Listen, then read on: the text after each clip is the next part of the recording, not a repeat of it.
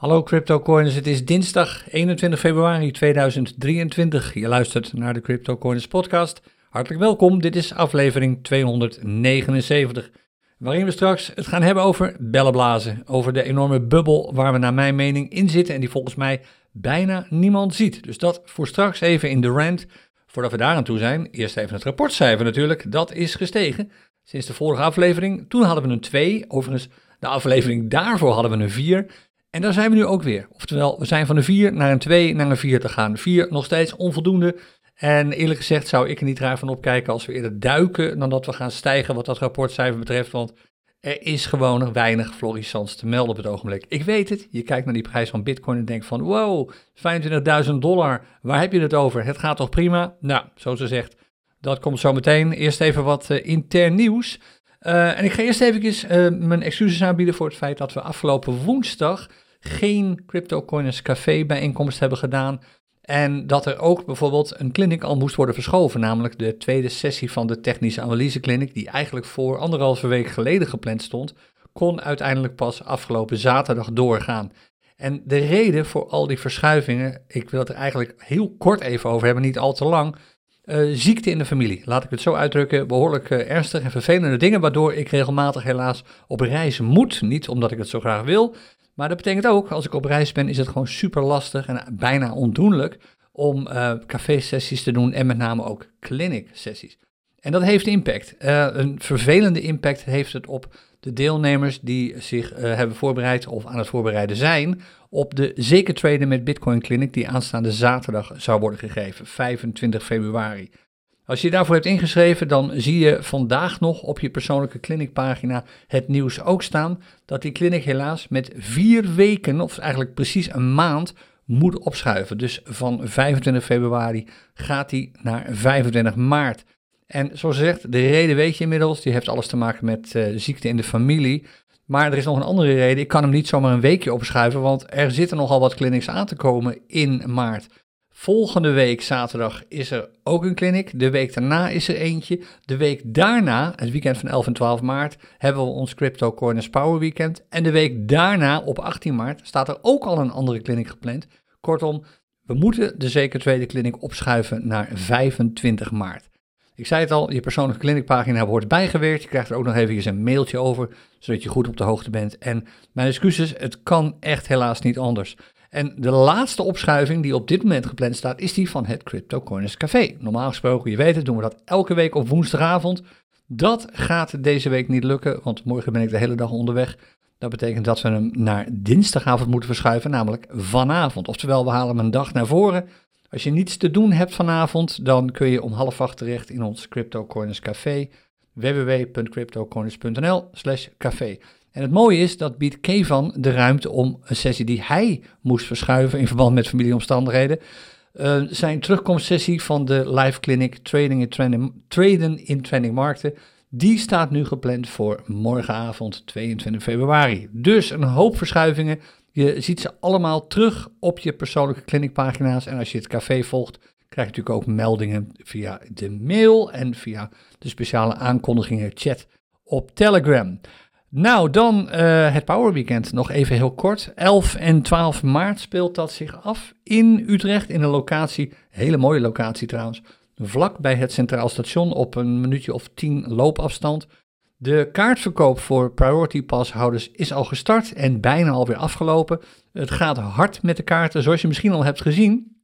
Als je lid bent van de speciale chatgroep die we hebben geopend voor het Power Weekend, cryptocoins.nl slash Power Weekend chat met streepjes ertussen.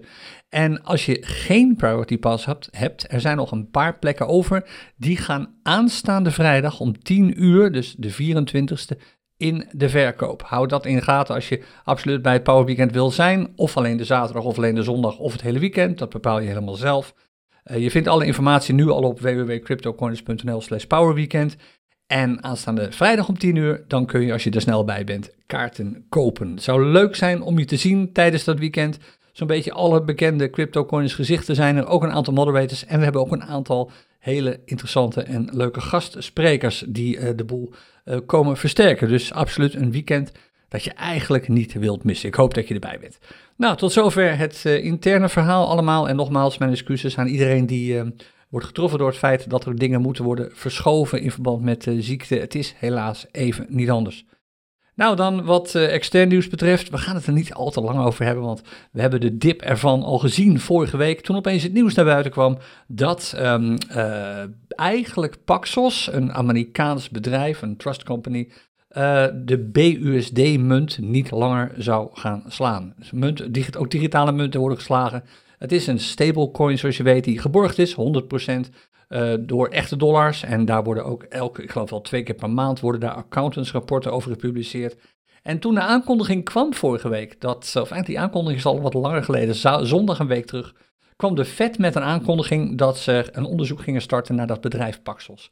Over de BUSD, over de Binance Coin. Als je nou afvraagt, wat heeft Binance met Paxos te maken? Nou, die Binance Coin, die BUSD, is niets anders dan een zeg maar, speciale versie van wat vroeger de PAX heette en later werd omgedoopt tot de USDP, die stablecoin. En het is een één op één omruil die je kunt doen. Verder is er met Paxos helemaal niks aan de hand. En eigenlijk ook met die BUSD niet. Dat ding, dat wordt gewoon nog steeds in de verkoop gehouden. Er worden er niet meer van gemaakt, maar je kunt ze gewoon nog steeds inwisselen. En de prijs van een BUSD is ook nog steeds, net als hij altijd is geweest, in de buurt van een dollar. Uh, hij daalde natuurlijk enorm. Uh, zeker als je kijkt naar een stablecoin percentage was dat even heftig.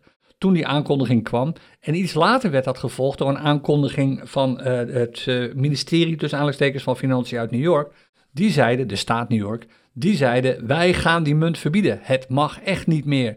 En met name de BUSD, dus niet de USDP, niet de Paxos zelf, de Pax. Nee, het ging om die Binance dollar, de BUSD.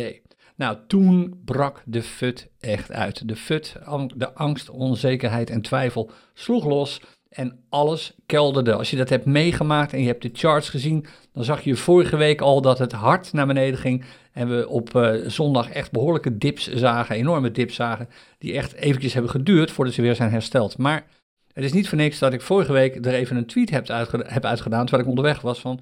Mensen, trap er niet in. Dit is echt alleen maar fut. Alles wat je nu ziet gebeuren, en waardoor je misschien denkt: oh, ik moet heel snel mijn BUSD gaan verkopen voordat het niks meer waard is. Alles wat je ziet gebeuren is eigenlijk min of meer stuiptrekking. Er is niks aan de hand met de prijs van BUSD. Dat ding is gewoon geborgd. Daar zit gewoon een echte dollar achter. En dat verandert echt niet door deze beslissing van de Fed of de beslissing van een of ander Amerikaans financieel ministerie. Dat een heeft echt niks met het ander te maken. Dus ik hoop niet dat je het slachtoffer bent geworden van de daling van BNB bijvoorbeeld, de Binance Coin, die ook hard naar beneden schoot. Inmiddels alweer terug op het niveau waar die op stond. En snel bent gaan verkopen voordat je nog meer verlies maakt. Want ja, je ziet het gewoon gebeuren. Al die influencers op YouTube die wanhopig op zoek zijn naar kliks en naar views posten meteen allerlei dramaberichten als de BNB gaat naar nul, de BUSD gaat naar nul, Binance is al failliet. is ook allemaal pure onzin. Uh, dat is op zich vervelend dat het geschreven wordt, maar wat veel vervelender is, is dat zoveel mensen dat soort berichten, gewoon meningen, ze gaan echt nergens over, zien als feiten en op basis van die feiten beslissen om verkeerde dingen te doen. Zoals bijvoorbeeld munten die qua fundamentele waarde niets zijn veranderd, snel te verkopen voordat ze nog goedkoper worden. Eigenlijk zou je het omgekeerde moeten doen. Als je overtuigd bent van de fundamentele waarde van iets dat je verzamelt, of het nou een munt is of iets anders, en de prijs ervan daalt, dan is dat het optimale moment om te gaan kopen. Ik kan je verzekeren dat als ik, en ik zeg niet dat het zo is, maar als ik bijvoorbeeld BNB zou hebben, zou ik bijkopen op het moment dat die prijs daalt, omdat er met de fundamentele waarde gewoon niks aan de hand was. Met Binance is niks aan de hand. Het gaat alleen maar om een stablecoin die altijd wel weer kan worden vervangen door een andere stablecoin als Paxos de rechtszaak überhaupt niet wint. Want er komen natuurlijk rechtszaken. Er komt een rechtszaak tegen het ministerie van Financiën. Er komt een rechtszaak waarschijnlijk ook tegen de Fed. Die gewoon eigenlijk op dit moment er alles aan doen om crypto in een zo duister mogelijk daglicht uh, te stellen. Ja, daar wil zo'n bedrijf als Paxos, dat gewoon een goede naam heeft, natuurlijk uh, zich tegen weren. Dus er komen rechtszaken. waarschijnlijk loopt dit allemaal weer met een sisser af. Maar de reden dat ik erover praat is dan zijn veel mensen al een slachtoffer geworden, want die zijn toch getrapt in de FUT-val, zoals dat heet. Dus vandaar ook mijn tweet uh, vorige week. Kijk uit, trap er niet in. Er is veel minder aan de hand dan al die uh, schreeuwende influencers u misschien doen geloven. Nou, tot zover die BUSD-toestand. Meer zeggen we er verder niet over. Je kunt ook nog gewoon nog steeds mee traden op Binance. Je betaalt ook nog steeds geen commissie voor de meeste pairs, uh, trading pairs. Ik weet niet of en wanneer dat gaat veranderen, maar daar word je snel genoeg van op de hoogte gesteld. Maar let op, zelfs als Binance, dat zullen ze niet doen, maar zelfs als Binance zou aankondigen dat de BUSD wordt gedelist, ik noem maar wat, nogmaals, dat zullen ze niet doen. Maar zelfs als ze het doen, is er nog niks aan de hand. Als je die munt opeens ziet dalen op Binance, de prijs ervan, als er al zo'n delisting zou komen, is dat gewoon gratis geld wat je kunt oppakken. Want nogmaals, achter elke BUSD zit een echte dollar. Je kunt die dingen dan altijd gewoon verkopen op de site, de echte site achter BUSD. En dat is Paxos. Dus er is gewoon echt met de waarde van BUSD en met de prijzen van. met de waarde helemaal niks aan de hand. En met de prijzen van, ja, die wordt beïnvloed door wat mensen vinden van die waarde. En je weet dat heel veel meningen erover gewoon puur worden gestuurd door emotie. En in zo'n geval wat er vorige week gebeurde, die aankondiging van de Fed, is dat dus puur angst. Angst die eigenlijk nergens op is gebaseerd. Vaak een kwestie van niet precies hebben onderzocht waar je nou eigenlijk bent ingestapt als je een BUSD hebt gekocht. Nou, dan nog eventjes over de zeepbel. We gaan even bellen blazen, want ik sta er eigenlijk versteld van. Ik heb het er afgelopen zaterdag even over gehad tijdens onze technische analyseclinic. Ik sta er oprecht versteld van hoe ongelooflijk optimistisch mensen op dit ogenblik zijn als het gaat om de prijsontwikkelingen van crypto. En met name ook, veel munten staan op dit moment weer even in de plus. Uh, sinds bijvoorbeeld gisteren om deze tijd. En dat staan ze al een aantal dagen op. Nou, af en toe is er een rode dag bij. Maar over het algemeen stijgen de prijzen van een groot aantal crypto-munten uh, op dit ogenblik. En ik vind het eigenlijk, en wat ik nu ga zeggen, dat maakt mij waarschijnlijk niet populair.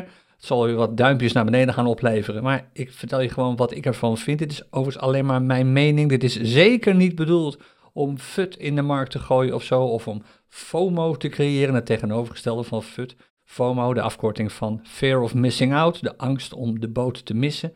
Dat is het laatste wat ik wil. Ik wil geen FUT, geen angst, onzekerheid en twijfel creëren. Ik wil even vertellen wat ik denk dat er aan de hand is. Nou, wat er aan de hand is, naar mijn mening, een enorme bubbel. Niets anders dan dat. Want ik herhaal wat ik ook anderhalve maand of twee maanden geleden al in de podcast zei, uh, in december. Er is weinig tot niets positiefs te melden op dit ogenblik. De wereld heeft een groot aantal crises waar, de wereld mee te dealen heeft. En een paar daarvan hebben een economische basis en hebben in ieder geval weerslag op de economie.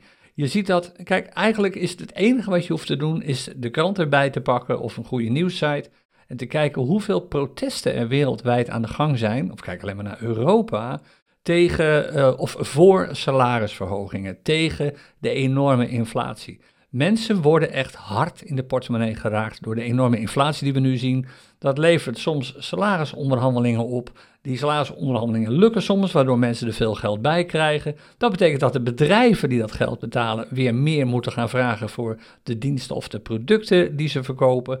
Die worden dus weer duurder. Dat betekent dat mensen weer meer geld nodig hebben. Kortom, er ontstaat een soort, uh, hoe noem je dat, een soort feedback loop. Een soort, ja, dat is een lawine aan prijsverhogingen en salarisverhogingen. En als dat gebeurt, kijk er de geschiedenisboeken maar over na, of de economieboeken, is dat bijna altijd, volgens mij in 10 van de 10 gevallen, is dat een voorbode van een recessie, waarin eigenlijk gewoon de hele economie tot stilstand komt en niemand meer wat koopt en dus ook haast niemand meer wat verkoopt. Daar stevenen we gewoon met z'n allen wereldwijd keihard op af. Wat de centrale bank je ook wil doen geloven, die hebben het echt al heel vaak misgehad. Die hebben vaker wel dan niet de foute beslissingen genomen als het gaat om het bestrijden van inflatie met dingen zoals bijvoorbeeld renteverhogingen. Dus daar kun je niet op vertrouwen. En omdat veel mensen dus nu misschien nog niet zoveel merken van die inflatie, omdat ze toevallig net niet de dingen kopen die met name hard getroffen worden door de inflatie, maar het later wel gaan merken, omdat bijvoorbeeld huizenprijzen nog veel verder gaan dalen, de rente op hypotheken nog veel hoger wordt, kortom, de lasten worden te zwaar, zul je dat straks gaan terugzien in investeringen die mensen doen. En naar mijn mening is wat er op dit ogenblik gebeurt in de cryptomarkt, waarin, en ook in de aandelenmarkten zie je het terug, waarin veel mensen gewoon toch investeren en dingen kopen terwijl de prijs stijgt. En het meer dan normaal vinden dat de prijs van Bitcoin op dit ogenblik 25, meer dan 25.000 dollar is, naar mijn mening is dat onterecht.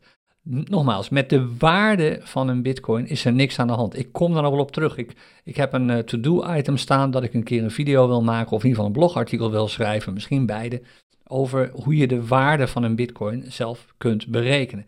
Maar de prijs van een bitcoin is alleen maar, zoals ik net ook al zei toen we gingen over de prijs van de BUSD en de BNB, de prijs is alleen maar wat mensen vinden van die waarde. En op dit ogenblik, veel mensen zijn best optimistisch, omdat ze worden aangestoken door het optimisme van anderen die zeggen, oh, een bitcoin eh, is over drie jaar 1 miljoen dollar waard. Nee, het gaat niet om waarde, het gaat om de prijs ervan. Nou, zeggen dat mag ik niet missen, ook al is de prijs nu al flink gestegen. Je betaalt nu, even uh, een kleine side note, je betaalt nu alweer 50% meer van een bitcoin dan ongeveer een maand geleden. Zeg maar iets meer dan een maand, 10 eh, januari. Toen stond nog iets eerder, begin januari, op, uh, precies op nieuwjaar, kostte één bitcoin ongeveer 16.500 dollar. Nou, nu op dit ogenblik kost hij 24.000. Oftewel, hij is met 50% in prijs gestegen. En nu gaan mensen kopen, juist terwijl de prijs ervan begint te stijgen. Dat is precies het verkeerde, of precies tegenovergestelde van wat je natuurlijk in feite zou moeten doen.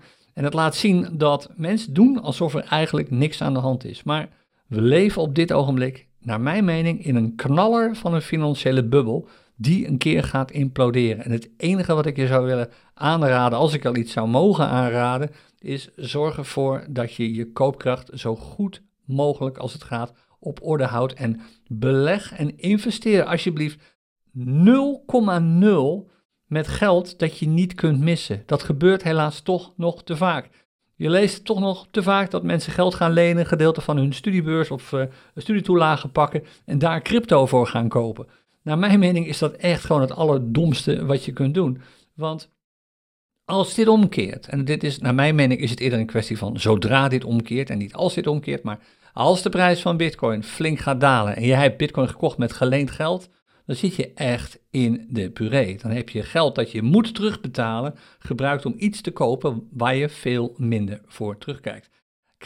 En als je op dit ogenblik actief bezig bent met crypto en bitcoin, dan weet je waarschijnlijk wat je wilt doen. Je wilt een dollar cost averaging strategie volgen, of eigenlijk een indexeringsstrategie. Je wilt zorgen dat je een soort, ja, zeg maar een soort verzekering afsluit bij jezelf als je toch wel euro's nodig hebt om van te leven, dan wil je gewoon een gedeelte van je portfolio's in euro's hebben.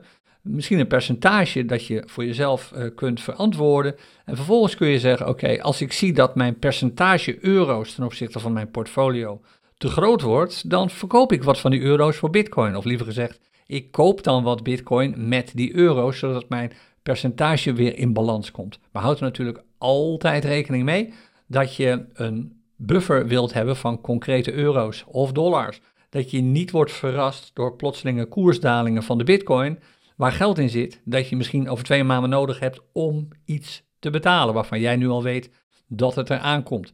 Dus we zitten in een bubbel, wat mij betreft. En ik ben niet de enige die het echt zegt, maar er zijn niet zoveel mensen die het zeggen. De meeste mensen op dit ogenblik die video's maken, die uh, crypto analyseren, die zijn vooral bezig met de prijsstijging. En eerlijk is eerlijk, we gaan dat zometeen ook weer doen. We gaan zo meteen kijken naar de charts. En als je zo meteen met name de Bitcoin charts bekijkt, dan zie je zo beroerd ziet het er allemaal helemaal niet uit. Maar pas op, het is, er is een grote kans, laten we het zo zeggen, dat we te maken hebben met een schijnbeweging. En op termijn zal die prijsstijging er echt wel komen. Op termijn zullen we echt prijzen gaan zien van Bitcoin die je nu waarschijnlijk voor onmogelijk houdt. Dan is een prijs van 100.000 dollar waarschijnlijk echt helemaal niks. En kijk je achteraf terug en zeg je, wauw, als ik dat toen had geweten.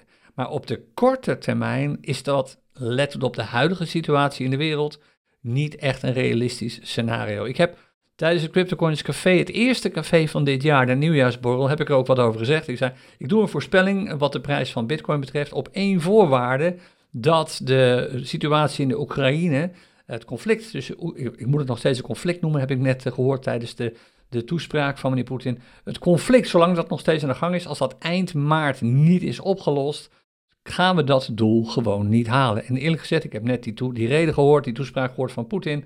De troonrede, ja, daar blijkt uit helemaal niets, 0,0, dat dat conflict wordt opgelost. Er zal absoluut iets van buitenaf moeten gebeuren dat het oplost, maar ik zie dat niet binnen de eerste drie maanden van het jaar gebeuren. En dat betekent dat elk koersdoel uh, van Bitcoin dat echt significant hoger is dan waar we nu staan, niet echt, normaal gesproken niet echt realistisch is. Dus los van wat de koers gaat doen, je weet het, het is altijd prijs, is al wat emotie. Is het echt realistisch wat er gebeurt? Het laatste wat ik erover kan zeggen is, als je de charts er echt bij pakt en je kijkt naar de vorige koersstijging die we hebben gehad, die ook echt heftig was. Nou, het mooie is, zes maanden geleden, echt exact zes maanden geleden, half augustus, had Bitcoin dezelfde prijs als het nu heeft. En daarna is het hard omhoog gegaan, maar ook weer heel hard naar beneden gekomen. Om daarna wel weer omhoog te gaan. Maar het wil dus niet zeggen dat je nooit meer dergelijke kansen krijgt om te kopen voor prijzen waar je het nu voor kunt kopen. Dus misschien wil je gewoon je rust nemen en in ieder geval zorgen dat je je financiële zekerheid op orde hebt voordat je gaat investeren in iets waarvan echt niemand weet, ook die hardschreeuwende influencers niet, wat het echt gaat doen. En dat geldt natuurlijk ook voor mij. Ik, het is absoluut niet zeker dat ik gelijk krijg met mijn verwachting dat de prijs van Bitcoin op termijn nog wel eens flink zou kunnen gaan dalen. Maar ik zie het als een concrete mogelijkheid waar ik dus als belegger rekening mee houd en ook rekening mee zou moeten houden. En naar mijn mening geldt dat eigenlijk voor elke belegging die je doet. Houd er rekening mee dat het kan dalen. CZ zegt het altijd heel mooi. Ga ervan uit dat je portfolio, alles wat je verzamelt, naar nul gaat. Wat betekent dat voor jouw financiële toekomst? Als er dan bepaalde dingen echt niet in orde zijn, als dat nul, naar nul gaat, als je echt zwaar in de stress komt bijvoorbeeld, zit je dus te diep in investeringen. Daar wil je nu dus wat aan doen, voordat het misschien te laat is. Nou, genoeg gerand. Ik ben heel benieuwd trouwens wat je vindt van mijn verwachting dat we, of eigenlijk mijn constatering dat we in een bubbel zitten. Dus als jij vindt dat ook in een bubbel zitten, reageer eventjes, bijvoorbeeld op YouTube of op onze podcastpagina. En als je vindt dat het niet zo is, reageer dan ook, maar doe dat alsjeblieft met een onderbouwing. Dus schrijf niet alleen van, onzin, we zitten niet in een bubbel, maar geef gewoon aan waarom jij vindt dat het niet zo is. Dat is altijd een mooie basis voor een, eh, een goede discussie erover. En misschien kom ik, kan ik er dan nog een keer op terugkomen in de Crypto Coins podcast. Nou, wat die podcast betreft, ik zie dat ik weer lekker lang aan het eh, praten ben geweest. Uh, we gaan even naar de charts, we doen er een paar. We pakken eerst even de weekchart erbij. Uh, Bitcoin versus de dollar. De maandchart heb ik twee weken geleden al gedaan. of volgende week is weer, volgende week donderdag geloof ik, is weer tijd voor een maandchart. Nu maar eerst even de weekchart. Nou, er is best wel een hoop veranderd sinds de vorige keer. We hebben alweer een nieuwe trough. die is alweer hoger. We zijn net als de keer hiervoor nog steeds bullish.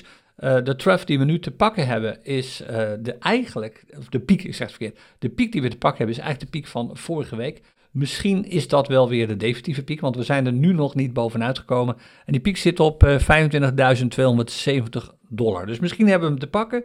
Dan hebben we alweer een higher high en alweer een higher low. Blijven we dus gewoon vrolijk bullish. Verder is er eigenlijk op de weekchart niet veel veranderd. We hebben een behoorlijke dip gezien natuurlijk een paar weken geleden, de week van uh, eh, 6 februari, de laatste week waarin ik uh, podcast heb opgenomen. Vorige week waren ze er niet.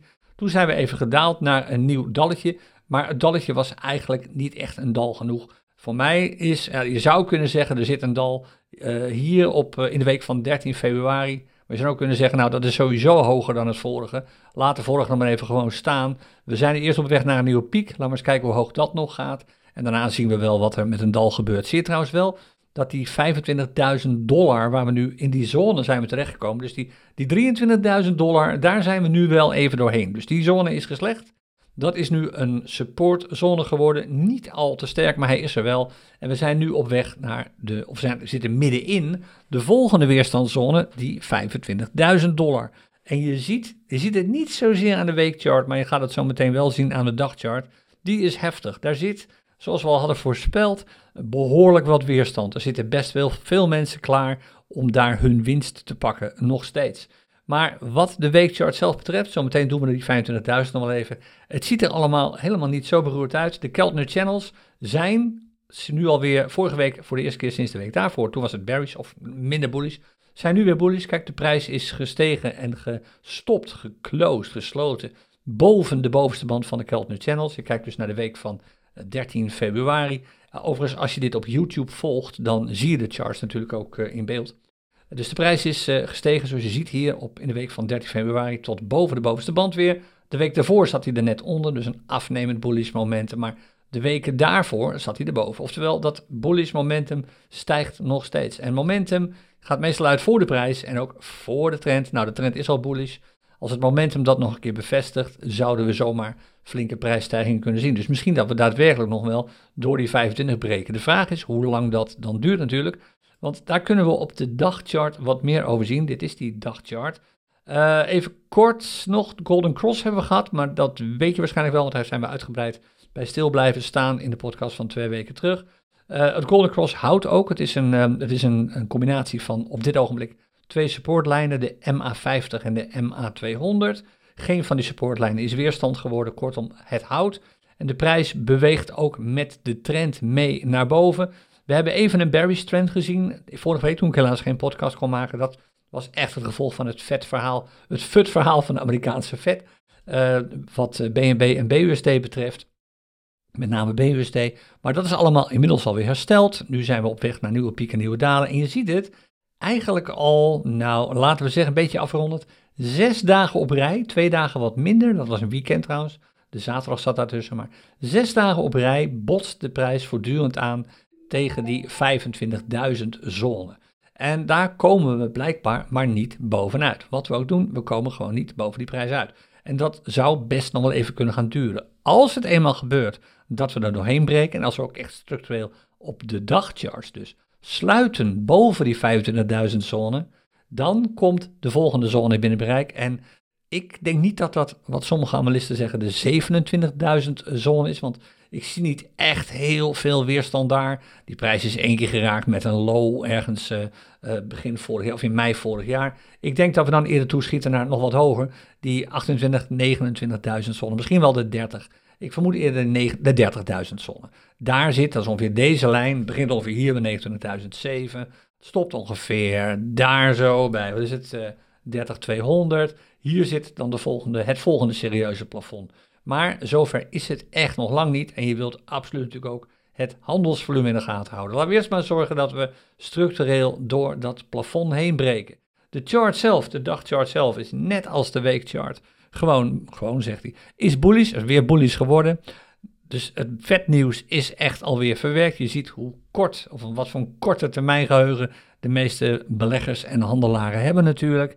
Uh, die weerstandszone is sterk. Dus waar ik op let is vooral, ook hier op de dagchart, die Keltner Channels. Daar zitten we op de dagchart nu al 1, 2, 3, 4, 5, 6, 6 dagen op dit ogenblik boven. Dat betekent dat er sprake is van een stijgend bullish momentum. Ook de Parabolic Stop and Reverse Indicator is uh, bullish geworden. Geeft nu ook een geldig signaal af overigens, want we hebben te maken met een parabolische prijsstijging. Die hebben we gezien vanaf uh, 13 februari ongeveer. Prijs stijgt toch nog steeds. Er is geen zijwaartse beweging. Kortom, geldig signaal van de PSR hier dat we te maken hebben met een bullish trend. Unbalanced volume is min of meer bullish, beweegt nu even wat minder, bullish, bearish, bullish. Is eigenlijk gewoon grosso modo bullish geworden. Golden Cross, kortom, veel dingen op deze chart. Als je de complete economie en alle macro's even buiten beschouwing laat, wijzen veel dingen op deze chart erop dat die 30.000 vroeger of later wordt gehaald. Maar houd alsjeblieft natuurlijk goed een oogje op wat er met de economie op dit ogenblik gebeurt. Want die is buitengewoon. Alle, de hele situatie in de wereld is buitengewoon ten opzichte van, in vergelijking met wat we eigenlijk ooit eerder hebben meegemaakt. Dan goud. Interessant om te zien wat goud doet. Ik kan me niet herinneren of ik de vorige keer toen ik een podcast opnam, of ik dan ook de Fibonacci Retracement Tool voor goud er heb bijgepakt. Ik denk het eerlijk gezegd niet. Ik weet het niet meer helemaal zeker. Ik heb het wel tijdens een clinic gedaan onlangs. Uh, je ziet dat de 38, dit is een Fibonacci Retracement Tool. Je ziet dat de 38,2 lijn wordt gerespecteerd. Daar zit support op dit ogenblik op een prijs van 18, uh, uh, 1832 dollar. Um, we zitten wat goud betreft voor het eerst sinds een wat langere tijd in een bearish trend nu. De zaak is echt wat minder positief. We hebben natuurlijk een enorme all-time high gehad begin deze maand. Geen all-time high, sorry, maar een high gehad. Begin deze maand van 1950 dollar. Ik kijk nu even naar de urenchart trouwens van goud.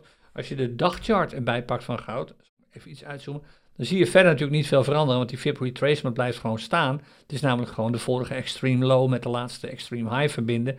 Dus ik heb de low van 3 november vorig jaar verbonden met de high van 2 februari dit jaar. Die enorme rally die we hebben gezien, want dit was heftig hoor. Dit ging van 1620 naar 1930, dat is een procentje of 20 uit mijn hoofd. Ja, 20, 2, 21 procent.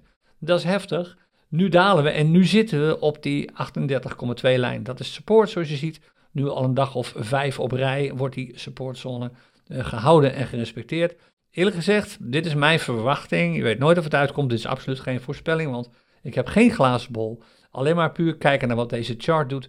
Verwacht ik dat we verder gaan dalen wat die goudprijs betreft. En ik denk dat we hierop gaan lopen stuiteren op die 50% lijn van de Fibonacci Retracement Tool. En dat betekent dat zal ongeveer rond de 1790, 1780, 1790 dollar zitten. En eerlijk gezegd, ik durf er wel een klein voorspellingje aan te wagen. Ik denk dat we volgende week dinsdag, dus vandaag over een week, en ik zal even een aantekening maken dat ik het daar ook even over heb dan volgende week in de podcast.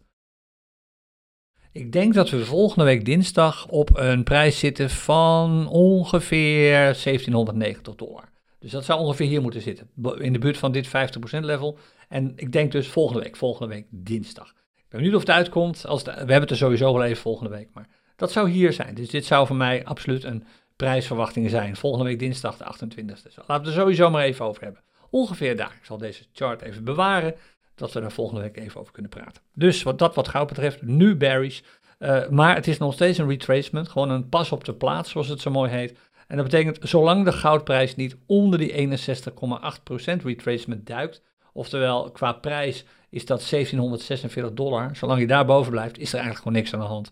Is het gewoon een pas op de plaats in een bullish trend. Maar de trend is nu even bearish geworden als je naar de peaks en troughs kijkt. Lagere pieken en lagere dalen, het is niet anders. Nou, hoe zit het met Wall Street? Zijn ze daar nog steeds zo optimistisch? Het antwoord is ja, absoluut. En het is echt raar om te zien hoe dit gaat, want ja, een belangrijke reden is dat veel handelaren wegvluchten uit obligaties en uh, langer termijn uh, uh, of vaste rentebeleggingen. want ja, de rente stijgt natuurlijk steeds maar. Er komen steeds nieuwe renteverhogingen aan, dus ze moeten wel iets doen. En ze komen dan toch in de aandelen terecht. Gaan op zoek naar aandelen die het nog goed, min of meer goed doen. Maar je zult zien dat een aantal cijfers dat zal worden gerapporteerd de komende tijd niet echt aanleiding geeft tot stijgende aandelenprijzen. Want met bedrijven zelf gaat het echt gewoon niet goed. Wat die bedrijven ook doen geloven. Kijk alleen maar naar de salarisverhogingen die worden geëist. En dat heeft altijd een impact op productie. Altijd. Of niet op productie, maar op prijs eigenlijk. Op de prijs om te produceren en dus ook op de verkoopprijzen uiteindelijk. Nou, um, de greed, uh, of Fear and Greed Index op Wall Street was vorige keer hoger, 72, 74, is in die geest. Nu is hij 68. Kortom, nog steeds in de greed, in de hebzuchtzone op dit ogenblik. Uh, houd dan in de gaten, ook hier in Amerika speelt dat op dit ogenblik zelfs nog wat erger dan bij ons hier in Nederland en Europa. Dat de huizenprijzen in Amerika behoorlijk onder druk beginnen te komen staan, omdat de rentes zo hard omhoog schieten. En als je weet dat de gemiddelde Amerikaan zijn leven gewoon financiert met van alles en nog wat, en creditcard saldo's heeft hij nooit plus, zijn altijd min. En de rente op die creditcard-saldo's, eh, die uitstaande, leningen, steeds hoger wordt, wordt steeds moeilijker om die leningen te betalen, dan weet je wat er gaat gebeuren. Houd de term foreclosure maar in de gaten, die zul je steeds vaker gaan tegenkomen bij financiële berichten uit Amerika. Dat zijn gedwongen verkopen van huizen. Die gaan er weer aan zitten te komen. Nou, het fiasco dat we hebben gezien uh, in 2009, 2010, dat zal wel uitblijven. Want banken hebben niet meer al te veel leningen uitstaan aan mensen die ze eigenlijk sowieso niet konden betalen voor huizen. Maar dat er weer een huizendebarel aankomt, kan eigenlijk niet anders. En dat gaat een enorme impact hebben op, uh, Zo'n beetje alles, ook weer hierop, ook weer op de Fear and Greed Index. Dus dit is allemaal leuk om naar te kijken, maar het, voor wat mij betreft komt dit niet echt overeen met de waarheid op dit ogenblik. Nou, dan de heatmap, die is een beetje rood, een klein beetje rood uh, op dit ogenblik. Uh, niet zo heel, het lijkt heel spannend hoor, maar het valt als trader op dit ogenblik verder wel mee, want het zijn met name de grote jongens en meisjes die een opdonder hebben gehad. Een kleine, de bitcoin is wat gedaald ten opzichte van gisteren om deze tijd. Dit is de grens, hè, die 24, 25. Dat is die zone waar we in zitten, waar de prijs van bitcoin gewoon steeds tegenaan loopt. En dat is een, uh, dit is een weergave van het feit dat de prijs gewoon niet boven die 25 heen schiet. En ja, dan zul je de ene dag zien dat hij wat stijgt ten opzichte van de 24.000. En de dag daarna daalt hij wat ten opzichte van de 25.000. Kortom, dit kun je hier negeren. Bij Ether zie je hetzelfde spelletje. Ook de prijs van Ether schommelt al een aantal dagen lang tussen de 16 en de 1750. BNB exact hetzelfde spelletje. Deze grote jongens, ook Ripple, uh, Doge ook, veel van deze munten op dit ogenblik schommelen, zitten in een trading zone, zitten in een, in een gebied uh, met een relatief uh, een, handelbaar verschil tussen low en high. En dat geeft dit op, op een gegeven moment een groene chart, maar het kan zomaar vanmiddag om deze tijd weer, of sorry, nu een rode chart. Vanmiddag kan het weer groen zijn. Je ziet in de barometer van de CryptoCoin scanner, als je naar de dollarprijzen kijkt, zie je het ook niet echt terug. Omdat heel veel munten, met name de munten met een wat lager volume, hier minder last van hebben. Dus we hebben nu de gekke situatie dat munten met een hoog volume, zoals Bitcoin, Ether, BNB, Ripple, uh, Polkadot, Cardano, noem ze maar op, wat schommelen in prijs op dit ogenblik. En, uh, en niet echt doorbreken. En zolang dat zo is, zul je regelmatig een 360, eh, een Coin 360 chart zien. Die flipt van rood naar groen, naar rood, naar groen. Maar echt donkergroen zul je niet tegenkomen nu. Echt donkerrood ook niet. Want nogmaals, het is gewoon een zone die je hier eigenlijk in de praktijk ziet. Um, dat wat de heatmap betreft, hoe staat het ervoor met de CryptoCoin scanner? Of in ieder geval niet zozeer met de scanner. Ah, één opmerking over de scanner. Misschien heb je dat gemerkt. We hebben flink gas gegeven de afgelopen weken uh, als het gaat om de stabiliteit van de CryptoCoin scanner. Uh, een aantal uh, van jullie heeft ongetwijfeld situaties meegemaakt dat er even geen beweging in te krijgen was. en dat hij het gewoon niet deed, dat hij nergens op reageerde. Nou, volgens mij heb je daar de laatste weken geen last meer van gehad. Want dat probleem is een week of twee geleden volgens mij uh, voor zover wij nu kunnen zien, definitief verholpen. Er zijn geen vastlopers meer geweest sindsdien. Het kan natuurlijk zijn, dat, maar dat is logisch, dat de scanner zich af en toe even reset. Maar daar merk je verder als trader niet of nauwelijks wat van. De vastlopers zijn uh, uh, buiten, zijn inmiddels uit de wereld geholpen. Nou, wat de scanner zelf betreft, je ziet een hele hoop meldingen op dit ogenblik.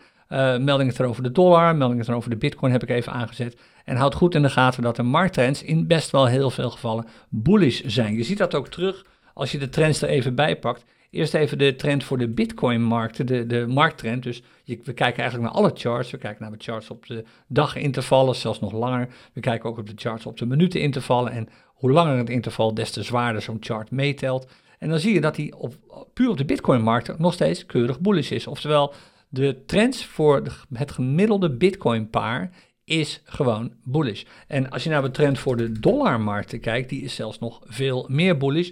Langzaam maar zeker komen we alweer in de buurt van de 40%. We zijn er nog niet helemaal. We zitten nu op 35%, 34,7% bullish. Maar we komen aardig in de buurt van de 40% alweer. Kortom, op dollar of met de dollar als basismunt is er goed te traden.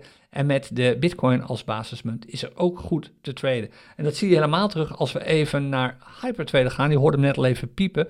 Ik heb even een, um, een uh, wat ik wel vaker doe, even een overzicht gemaakt van het handelsvolume. In dit geval het handelsvolume op Binance. En ik kijk even naar alle muntparen die je met, of naar alle munten die je met bitcoin kunt kopen.